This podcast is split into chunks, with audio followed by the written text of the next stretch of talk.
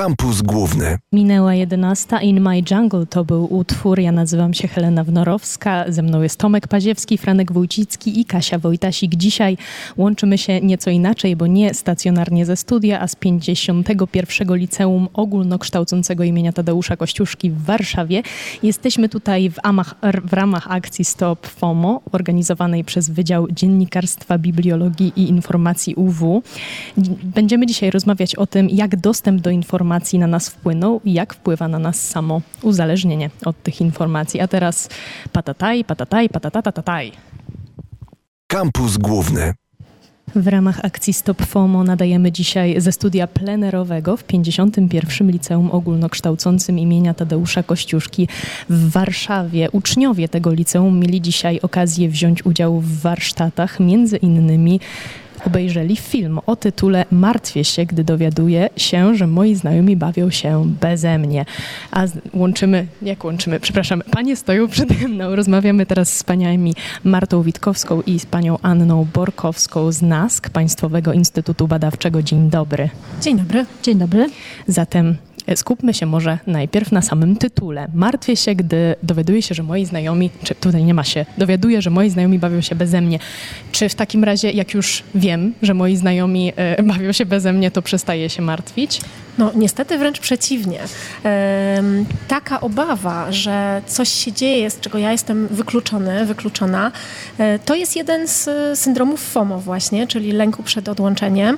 E, to taka sytuacja, kiedy ta trawa jest zawsze zieleńsza u sąsiada i kiedy przyglądam się temu, co moi znajomi postują, czym się dzielą w mediach społecznościowych, no to dotyka mnie taka, taka obawa, taki niepokój, że ja jestem z tego jakoś wykluczony, że mnie w tym nie ma. I to jest rzeczywiście dość duży problem. I przyznam szczerze, że um, nasi um, warsztatowicze, uczniowie y, bardzo mm, serio podeszli do tego filmu i rzeczywiście stwierdzili, że jest to sytuacja, która często dotyka ich, ich rówieśników e, w realnym życiu. A jaki wycinek FOMO wzięły Panie właśnie na warsztat podczas tych zajęć? Głównie przyjrzałyśmy się tak naprawdę takiemu, takiej um,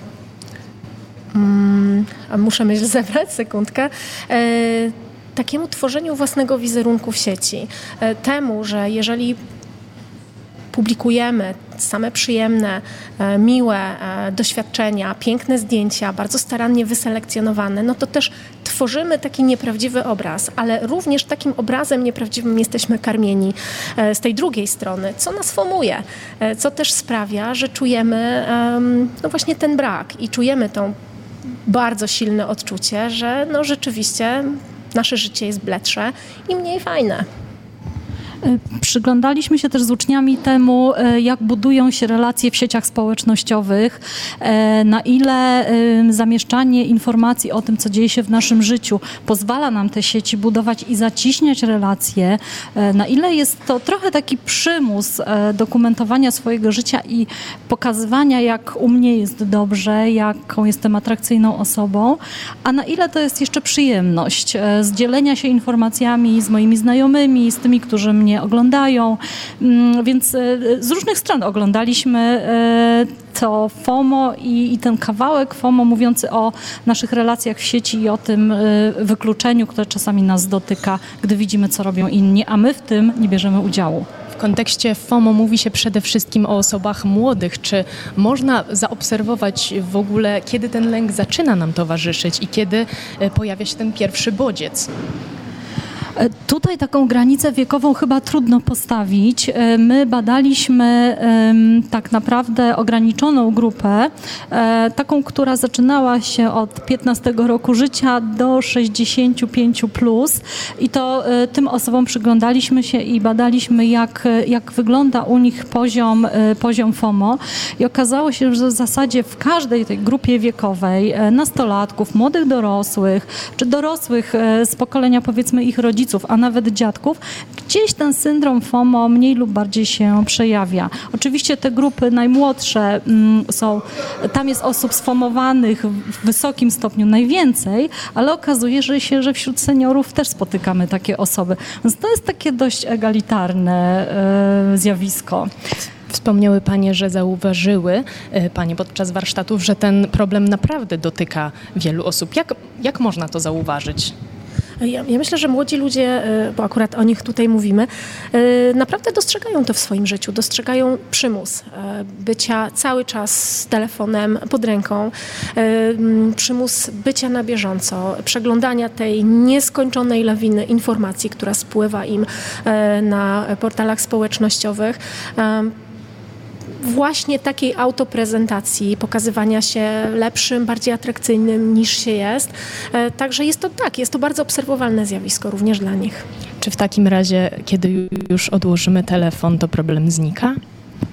E, no właśnie niestety tak to nie działa, bo okazuje się, że nawet takie próby odcięcia się od telefonu i zrobienia sobie trochę takiego detoksu, przynajmniej w pierwszej chwili, w pierwszym momencie działają tak, że my mamy nawet taką większą skłonność nasiloną do sprawdzania tego, e, co się w sieci dzieje i poszukiwania tego telefonu, bo e, jeżeli wyłączymy powiadomienia, no to zaczynamy się niepokoić, że żadne powiadomienia do nas nie dochodzą, a może jednak jakieś informacje w sieci nowe się pojawiły pojawiły.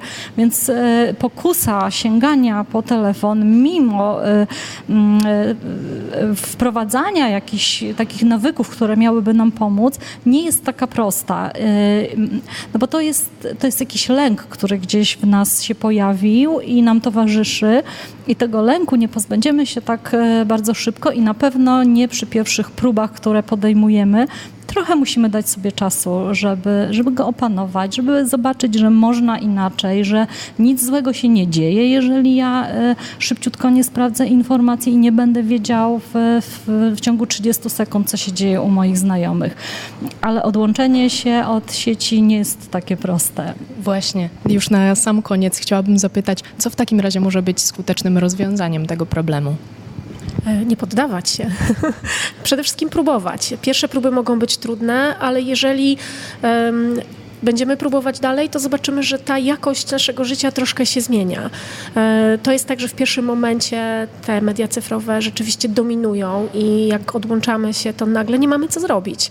E, nudzimy się, nie wiemy co zrobić z rękami, natomiast jeżeli damy sobie chwilkę, to zaczynamy zauważać, że wokół jest dużo innych też ciekawych, e, fajnych, satysfakcjonujących rzeczy, którymi możemy się zająć. Musimy po prostu dać sobie chwilę czasu i może wprowadzajmy zmiany w postaci takich małych kroków. E, nie odłączajmy się na przykład na, od razu na 12 godzin od naszych telefonów, e, nie likwidujmy naszych e, mediów społecznościowych, tylko sobie na przykład wyznaczmy jakiś czas, w którym nie będziemy sięgać po telefon.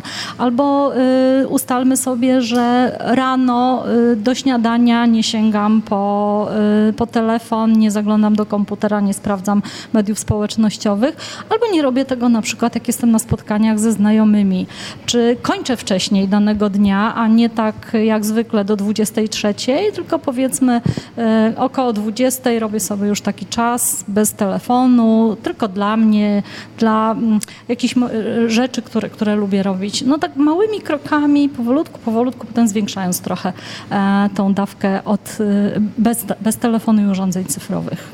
Drodzy słuchacze, pomimo, że nie mieliście okazji brać udziału w tych warsztatach, mam nadzieję, że uważnie e, słuchaliście, bo jak mogliśmy się dowiedzieć, problem FOMO nie dotyczy tylko osób najmłodszych. Marta Witkowska, Anna Borkowska z NASK Państwowego Instytutu Badawczego były dzisiaj z nami. Pięknie Paniom dziękuję za Dziękujemy. rozmowę. Dziękuję. Kampus Główny. Nadal nadajemy z 51. Liceum Ogólnokształcącego imienia Tadeusza Kościuszki w Warszawie. Jesteśmy tutaj w ramach akcji Stop FOMO, a teraz porozmawiamy sobie o FOMO, ale trochę pod innym kątem. Jest z nami pani profesor uczelni Wydziału Dziennikarstwa UW Anna Jupowicz-Ginalska. Dzień dobry. Dzień dobry, dzień dobry. Dzisiaj trochę o tak zwanym e-commerce, można by powiedzieć, mhm. czyli o przeprowadzonych przez panią zajęciach. Musisz to mieć, o mechanizmach wykorzystania FOMO w e-sprzedaży Także może zacznę od takiego pytania, jak, y, jak bardzo sprzedawcy na mnie żerują w internecie i na wszystkich innych? Y, to, to jest w ogóle bardzo y, dobre pytanie. Mm, ten dzisiejszy wykład dotyczył FOMO marketingu, czyli jak techniki, czy inaczej, jak zjawisko fear of missing out jest wykorzystywane w sprzedaży internetowej. No i jak najprościej mówiąc, jak bardzo, tak można by było powiedzieć, właściwie nieustannie jesteśmy poddawani różnego rodzaju technikom, które które, tak jak pani zresztą słusznie wskazała, żerują, bazują na naszym silnym lęku przed odłączeniem, strachem przed tym, że coś nas pominie. W tym konkretnym przypadku, że ominie nas dobra okazja, albo ominie nas promocja, albo nie będziemy mieli tego, co inni mają, więc będziemy w nieco gorszej sytuacji niż, niż nasze najbliższe otoczenie. Stracimy tym samym jakiś element i, i możliwość autokreacji siebie na przykład w sieci.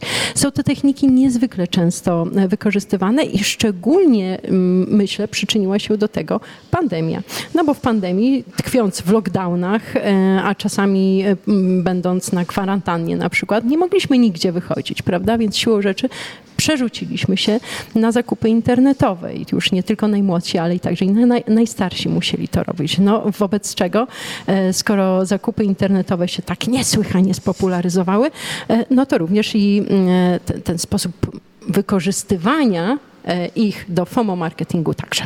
Zauważyłam, że jak pewnego dnia mam ochotę na jakiś produkt spożywczy i mówię o tym wszem wobec i każdemu z osobna, to później jakoś dziwnie y, wszędzie dostaję propozycje w internecie, żeby zakupić y, taki czy inny produkt. Pytanie właśnie, czy to jest jedna z tych niepozornie stosowanych technik i jakie jeszcze można takie techniki wyróżnić? To, to akurat być może z samym fear e, of missing out bezpośrednio się e, nie wiąże, chociaż jak tak sobie analizuję, patrząc na e, zjawisko, jakim jest FOMO, to rzeczywiście ten marketing czasu rzeczywistego, chwytania tego, co nas w danym momencie interesuje e, i z czego moglibyśmy w tym momencie właśnie skorzystać, też mógłby nam tutaj się w całą ideę chyba e, wpasować. No ja podczas wykładu mówiłam o pewnych portalach związanych z nocowaniem, na przykład, które wynajmowaniem noclegów, które z FOMO marketingu korzystają i dziwnym trafem na moim mailu znalazłam kilka nowych propozycji noclegowych, więc być może pośrednio tak. Natomiast e, wśród takich klasycznych technik e, zastosowania FOMO marketingu i na pewno każdy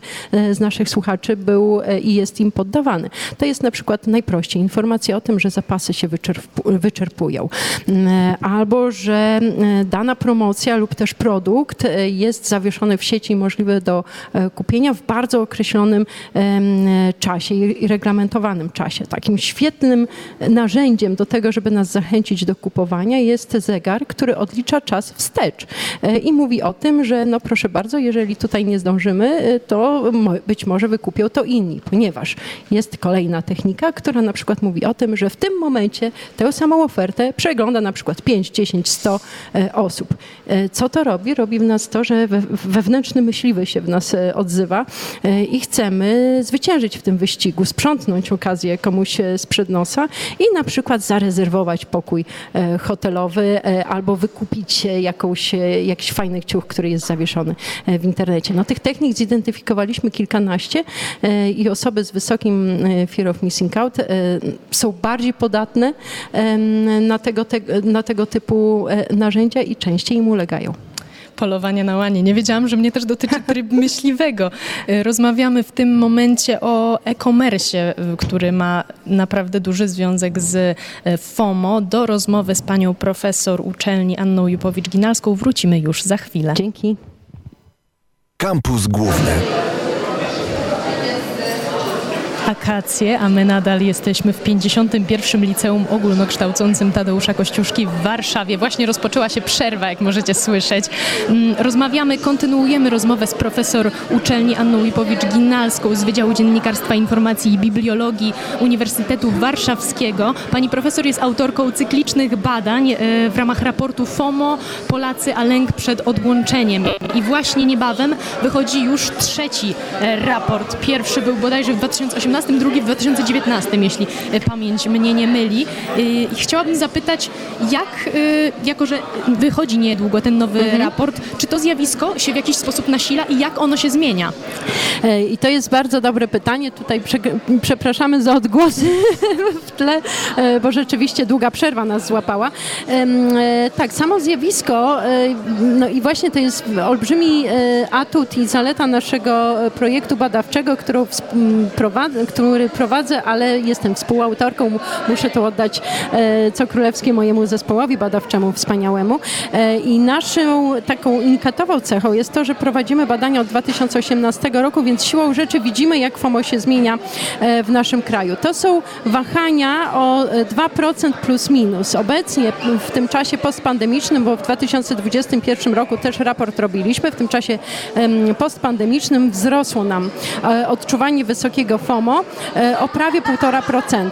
To oczywiście niewiele, patrząc na wszelakie analizy statystyczne, bo właściwie cały czas się w granicy błędu statystycznego tutaj e, poruszamy, natomiast z całą pewnością mogę powiedzieć, że na wysokie FOMO cierpi ponad 17% internautów powyżej 15 roku życia, przy czym najsilniej fear of missing out wysokie odczuwają młodzi ludzie między 15 a 24 rokiem życia. To jest 28 e, i nieco powyżej 20%, patrząc na poszczególne rozbite już grupy wiekowe. E, czy to dużo, czy mało? Chciałoby się zapytać, skoro to niby tylko 17% w tej ogólnej skali. No to ja bym powiedziała, a jakbyśmy to sobie tak łopatologicznie e, przeliczyli na to, ile to faktycznie osób jest, to wychodzi nam około 4 miliony Polaków powyżej 15 roku życia. Więc można powiedzieć, że tu nam się nieco zmienia perspektywa i jest dużo, dużo wyżej. Teraz można by pomyśleć, że 4 miliony to są tylko tutaj na korytarzu, pod uwagę odgłosy. Czy w takim razie, jak pani przewiduje, czy ta struktura i sama wielkość, ta tendencja, jak ona się będzie kształtować w najbliższym czasie? E, patrząc na nasze badania od 2018 roku i na zmiany w skali odczuwania wysokiego FOMO, zauważamy już, że skala wysokiego FOMO e, przesuwa nam się e, w czasie. Oczywiście nieustannie nadal nasi najmłodsi badani są najbardziej na FOMO wysokie narażeni, ale to, co jest ciekawe i co jest faktyczną zmianą, to skala wysokiego FOMO wśród seniorów na przykład odczuwana, więc tych osób z pokolenia Silverhead, którymi, którymi bardzo schematycznie, z którymi nie kojarzymy FOMO czy wszelakich zagrożeń nowymi technologiami, a nie słusznie. Musimy się stereotypów e, nieustannie pozbywać. Zauważamy, że wysokie FOMO nam e, rośnie. To nadal jest po parę procent, tak? E, ale patrząc na rok 2018, to ten wzrost jest naprawdę bardzo wysoki. Więc widzimy, że średnie, nie tylko średnie, ale to wysokie FOMO faktycznie nam wzrasta. Jeżeli nie będziemy temu przeciwdziałali, e, to prognozujemy, że może się to pogłębiać. Zatem to apel nie tylko do najmłodszych, ale również i do mojej, i do waszych babci. E, rozmawialiśmy właśnie z profesor uczelni Anną Jupowicz-Ginalską. Pani profesor, pięknie pani dziękuję bardzo za rozmowę. Dziękuję, dziękuję bardzo. Kampus Główny. Moonlight Disclosure, a wy w tle możecie usłyszeć, że przerwa jeszcze się e, nie skończyła. Co więcej, chciałbym powiedzieć wam, że jeśli od wczoraj nie zaglądaliście na stronę, na naszą kampusową stronę, to w aktualnościach możecie przeczytać o tym, że tak, w nawiązaniu do tego, że jesteśmy w Warszawie, ale w trochę innym miejscu niż zazwyczaj, że mamy nowy znak promocyjny w Warszawie, także, yy, także uśmiechem żegnamy, zakochaj się w Warszawie, ale więcej o tym możecie poczytać oczywiście na naszej e, stronie internetowej internetowej, a już zaraz na antenie naszego radia o tym, jak FOMO wiąże się również z innymi uzale uzależnieniami. A teraz Heart on Fire, Little Sims. Kampus Główny. Nadal jesteśmy w 51. Liceum Ogólnokształcącym imienia Tadeusza Kościuszki w Warszawie. Tym razem już e, trochę głosy z przestrzeni ucichły, a naszym gościem jest dr Katarzyna, Katarzyna Iwanicka z Wydziału Dziennikarstwa Uniwersytetu Warszawskiego. Dzień dobry. Dzień dobry Państwu. Uczniowie są teraz po, po warsztacie, po warsztacie na temat y, dość może szczególny, bo tym, jakie połączenia są między właśnie tym lękiem przed wyłączeniem, a nadużywaniem nadużywaniem spożycia alkoholu. Moje pierwsze pytanie, jaki tu jest związek i czy to dotyczy jedynie alkoholu, czy może jeszcze innych używek? No, my tym, co nas zainspirowało do badania, czy do uwzględnienia właśnie y, tego obszaru nadużywania e, alkoholu w naszym badaniu, były doniesienia naukowe, które pokazywały związek między e, wysokim poziomem FOMO, a nadmiernym spożyciem alkoholu, jeśli chodzi o e, takie jednorazowe upijanie się, ale też koszty, które towarzyszyły temu e, upijaniu się, czyli na przykład koszty społeczne, koszty zdrowotne. E, to były badania wśród grupy studentów amerykańskich. W związku z tym jakoś e, to nas zainspirowało do tego, żeby przyjrzeć się, jak to jest, jeśli chodzi o naszą młodzież. Oczywiście badamy nie tylko młodzież, natomiast ta nasza najmłodsza kohorta wiekowa to osoby pomiędzy 15 a e, 19 rokiem życia. E, I tutaj e, niestety e, mm, odsetek twierdzących odpowiedzi, jeśli chodzi o różne wątki związane z uzależnieniem, czyli na przykład wątek taki, czy kiedykolwiek odczuwałeś wyrzuty sumienia z powodu swojego picia, e, jest wyższa aniżeli w grupie ogólnej, bo e, no właśnie wspomniane przeze mnie przed chwilą pytanie e, spotkało się z twierdzącą odpowiedzią co czwartego młodego człowieka. Czy kiedykolwiek czułeś poczucie winy lub wstyd z powodu em, konsekwencji swojego nadmiernego picia alkoholu? E, taki, e, taka pozycja tego kwestionariusza, która jakoś szczególnie nas, e, bo ja też jestem praktykiem, jestem terapeutą uzależnień, martwi, e, to e, picie alkoholu poranne, tak zwane klinowanie, no bo już pokazuje nam to, że być może e, mamy do czynienia z rozwojem uzależnienia. E, kiedy ten alkohol jest taki przymus spożywania go, żeby postawić się na nogi albo zacząć normalnie funkcjonować. I niestety tutaj e, twierdzącą odpowiedź na to pytanie dało 16% naszych najmłodszych ankietowanych. Myślę sobie, że to jest bardzo dużo. Przy czym średnie wyniki dla grupy ogólnej to jest 9%. Em, To może jakoś niepokoić, dlatego też e, to było jednym z e, przyczyn, dlaczego zastanawialiśmy się, co możemy zrobić i jak popularyzować tą wiedzę o FOMO. E, W związku z tym zdecydowaliśmy się na akcję w warszawskich liceach e, zatytułowaną Stop FOMO. E, Bo wychodzimy z założenia, że większa wiedza o FOMO może sprzyjać temu, żeby inaczej radzić sobie z takim napięciem wewnętrznym, z takim dyskomfortem emocjonalnym, aniżeli w taki kompulsywny sposób, to znaczy sięganie po technologię, czy na przykład różne uzależnienie. Pytała pani redaktor o to, czy to tylko alkohol. No nie, natomiast e, my pytamy wprost o alkohol, e, ale oczywiście inne substancje psychoaktywne jak najbardziej, czyli nikotyna, e, środki psychoaktywne, tak jak narkotyki, czy leki nieprzepisane przez lekarzy, jak chociażby te z grupy benzodia- benzodiazepin.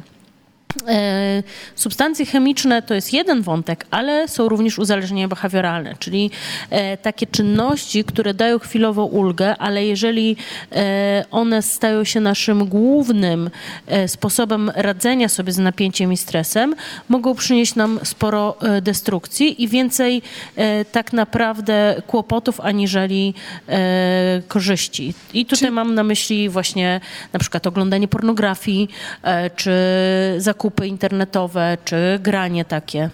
Czy y, jako, że skupiliśmy się akurat tutaj w tym przypadku na młodszej grupie odbiorców, czy to jest problem, który nasila się właśnie w, wśród tych młodszych grup wiekowych, czy, czy to jest problem na tyle powszechny, że można o nim mówić właśnie, ym, gdzie, gdzie to jest y, intensywniejsze faktycznie, czy w takich grupach wiekowych starszych, czy młodszych? No tutaj widzimy w naszej grupie wiekowej, e, jeżeli porównujemy wyniki kwestionariusza Cage, które robiliśmy w tej edycji raportu i w poprzedniej, to widzimy wzrosty, jeśli chodzi o ten wątek e, korzystania z alkoholu, konsumpcji alkoholu.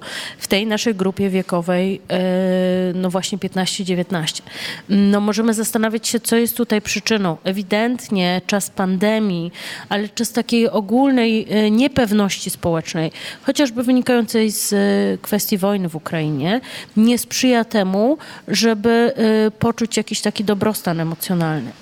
Dlatego to może być e, też e, jakby wierzchołkiem góry lodowej, tak? I warto zajrzeć pod spód i zobaczyć, co tak naprawdę leży u podłoża takiego sięgania e, po te substancje psychoaktywne.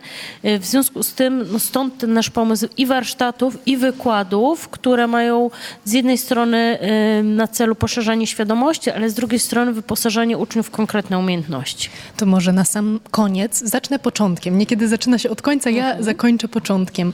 Jakie wrażenie, jakie emocje wywarły właśnie na uczniach liceum te warsztaty?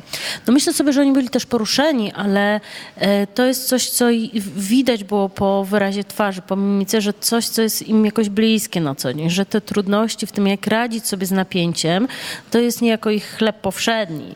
E, I to jest też taki ważny moment, no bo taki ważny czas dla kształtowania się osobowości, tożsamości. No i te strategie konstruktywne, które wypracują sobie teraz, mogą im owocować w przyszłości. I tak widziałam, że jakoś z pewnym zaciekawieniem do tego podchodzą, no ale też jest część osób, dla których to było trudne, dla których to wzbudzało napięcie, bo jednak temat jest poważny.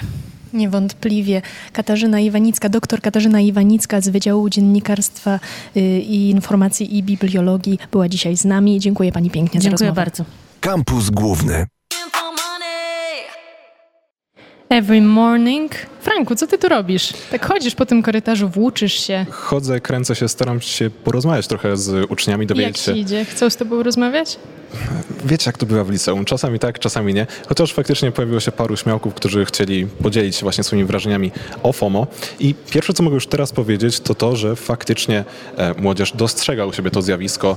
E, no, nie tylko kiedy mówimy o tym jako o pewnego rodzaju uzależnieniu od telefonu, bo to jest, tak jak już wiemy, dość duże uproszczenie, ale przede wszystkim jako to poczucie, że jednak czujemy się związani z tą informacją i nawet kiedy, no właśnie, tracimy na chwilę kontakt z telefonem, jako tym medium, które pozwala nam dowiedzieć się, co robią nasi znajomi, to odczuwamy ten dyskomfort i uczniowie, z którymi rozmawiałem, faktycznie też tak mówią e, i też starają się znaleźć jakieś rozwiązanie tego problemu, dlatego też e, to tylko potwierdza chyba e, słuszność tego, że pojawiliśmy się dzisiaj tutaj z tą akcją.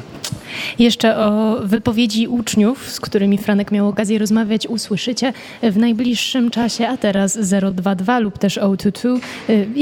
Czytajcie jak chcecie.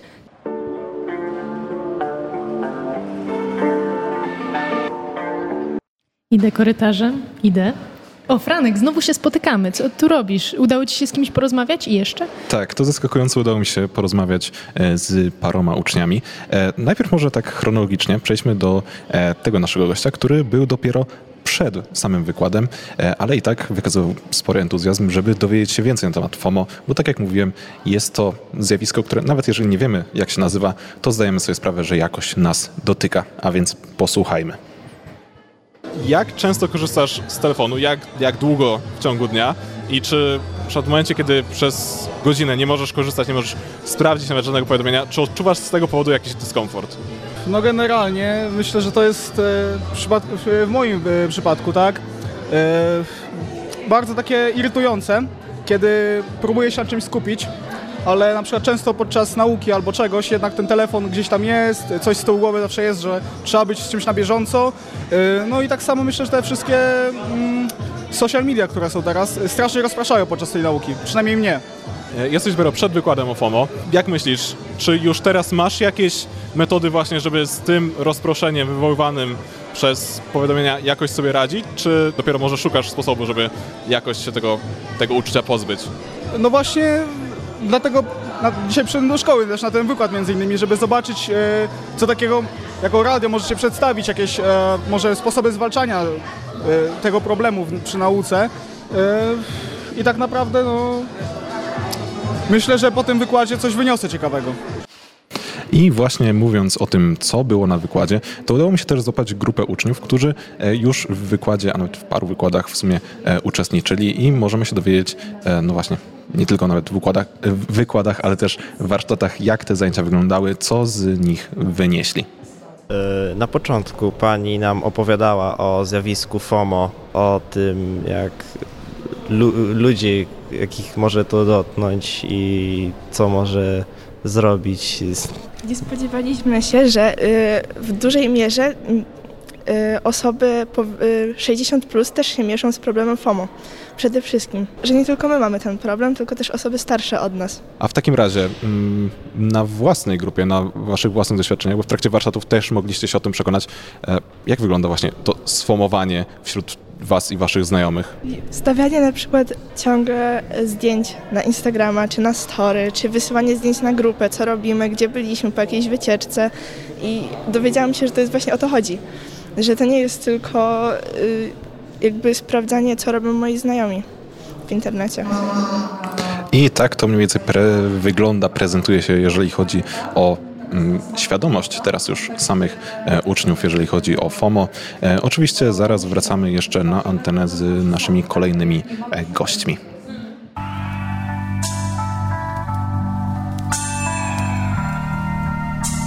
Kampus Główny.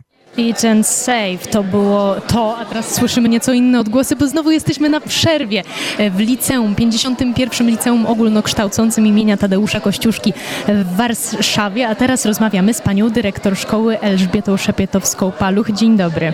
Dzień dobry. Pani dyrektor, co to jest za szkoła i jakie możliwości oferuje? E, Jesteśmy szkołą, e, która w tym roku będzie miała 79. rocznicę swojego istnienia. Jesteśmy szkołą z tradycjami, jesteśmy od samego początku w Rembertowie. Jesteśmy szkołą, w której e, każdy uczeń znajdzie dla siebie satysfakcjonujący profil i dodatkowe zajęcia. Jakie profile E, oferujecie? Kształcimy mm, przyszłych kandydatów na studia w profilach em, politechnicznych z rozszerzoną informatyką, matematyką i informatyką. E, Elementami dodatkowymi w tych profilach są e, na przykład robotyka. E, Mamy też profil humanistyczny, taki prawdziwy klasyk z rozszerzonym językiem polskim, z historią i z WOS-em. E, Ten profil to profil prawnodziennikarski e, z elementami prawa, z edukacją czytelniczą i medialną. Mamy profil społeczny, nazwaliśmy go europejski. I tutaj podzieliliśmy ten europejski na takie dwie ścieżki. Dla tych, którzy e, są bardziej humanistami i będą szli w kierunku politologii, czyli be- zgłębiają u nas rozszerzoną geografię, WOS, język angielski i drugi profil, e, taki pospół troszkę z politechnicznym, gdzie te społeczne nauki wzmocniliśmy rozszerzoną matematyką. Szeroki wachlarz możliwości. Przechodząc jednak... chemiczne. Mamy jeszcze klasę o profilu e, biologiczno-chemicznym e, z ratownictwem medycznym i do ubiegłego roku szczyciliśmy się przez 6 lat i cieszyliśmy się i mamy nadzieję na powtórne funkcjonowanie klas wojskowych. O, to interesujące rozwiązanie. E, Ale przechodząc do tematu dzisiejszej audycji, czyli właśnie lęku przed y, od, od Fear of missing out, tak to się po angielsku mówi. Lęk przed odłączeniem tego słowa mi zabrakło. Czy mm, to się bezpośrednio wiąże oczywiście z używaniem telefonów? Jak sytuacja prezentuje się właśnie w liceum? Jaką ucz- jaki uczniowie przeka- przekazują stosunek właśnie do, do używania telefonów? Czy zauważa Pani, jakie tendencje Pani zauważa? E, Problem dotyczy e, w zasadzie nas wszystkich. Nie skupiamy się tylko z tym problemem na obserwacji uczniów. E, Mamy też taką uważność na siebie, na ile smartfonoza jest obecna w naszym życiu, na ile przeszkadza, na ile ułatwia, na ile pomaga, na ile zastępuje. E, To, czego najbardziej mi żal, to bezpośrednich relacji e, i kontaktów międzyludzkich, które próbuje zastąpić właśnie ta, ta, ta komunikacja o innym charakterze. Mm, Czy przeszkadza, czy pomaga. E, No jest to dość istotne narzędzie, narzędzie przyszłości. Em, Wykorzystujemy je, wykorzystujemy je również e, w procesie nauczania, tak? w procesie dydaktycznym. Nie chcielibyśmy go wykorzystywać e, w relacjach społecznych. Czy w związku z tym to używanie telefonu jest y, jakoś, te zasady są jakoś egzekwowane? Naturalnie tak. E, Są takie lekcje, e, są takie przedmioty, gdzie chętnie korzystamy z danych, analizujemy e, dostępne wiadomości i są też takie chwile, kiedy jesteśmy odłączeni absolutnie i skupiamy się na tym, co tu i teraz. Kontrolujemy używanie telefonów. W statucie są odpowiednie zapisy, które pozwalają na zachowanie dyskrecji, prawa autorskiego i wszystkiego tego, co się wiąże z dobrostanem użytkowników i obserwujących tych użytkowników. A zatem przede wszystkim jesteśmy skoncentrowani na tym, aby telefon e, stał się narzędziem, a nie przeszkodą w relacji i w nauce. Zatem mamy zapewnić ten dobrostan, y, jak pani zresztą wspomniała wcześniej, uczniom i w jaki sposób należy to robić? Czy, czy właśnie jako, że telefon jako narzędzie nieograniczonego, można by powiedzieć, rozwoju, zwłaszcza tak jest dostępem do internetu, czy należy właśnie ograniczać dostęp? Co, co, co robić? Należy edukować w tym, jak samodzielnie kontrolować, ile jesteśmy w stanie być w sieci i poza siecią. E, młodych ludzi trzeba nauczyć balansu, uważności i wyposażyć ich w wiedzę, czym dobrym może się stać to narzędzie i jakie może przynieść szkody. No i tak możemy podsumować naszą dzisiejszą audycję prowadzoną z 51. Liceum Ogólnokształcącego imienia Tadeusza Kościuszki w Warszawie. Rozmawialiśmy właśnie z panią dyrektor szkoły Elżbietą Szepietowską-Paloch. Pani dziękuję pięknie, dziękuję pani pięknie za rozmowę, pani dyrektor. E, dziękuję serdecznie. Czujemy się wyróżnieni i zaszczyceni, że chcieliście Państwo przeprowadzić u nas tak wspaniałe warsztaty, wykłady i że jesteśmy wszyscy blisko wspólnego tematu. Tak, wszyscy jesteśmy blisko. Niestety tą rozmową będziemy już dzisiaj również kończyć naszą dzisiejszą audycję Kampus Główny. Ja Wam pięknie dziękuję. Nazywam się Helena Wnorowska. Program e, prowadziłam razem z Kasią Wojtasik, Frankiem Wójcickim, no i oczywiście niezawodnym Tomkiem Paziewskim. Dziękuję Wam za dzisiaj. Za tydzień również się widzimy w podobnej, na podobnej płaszczyźnie tematycznej. Także do usłyszenia, drodzy słuchacze. Utrata Brodka.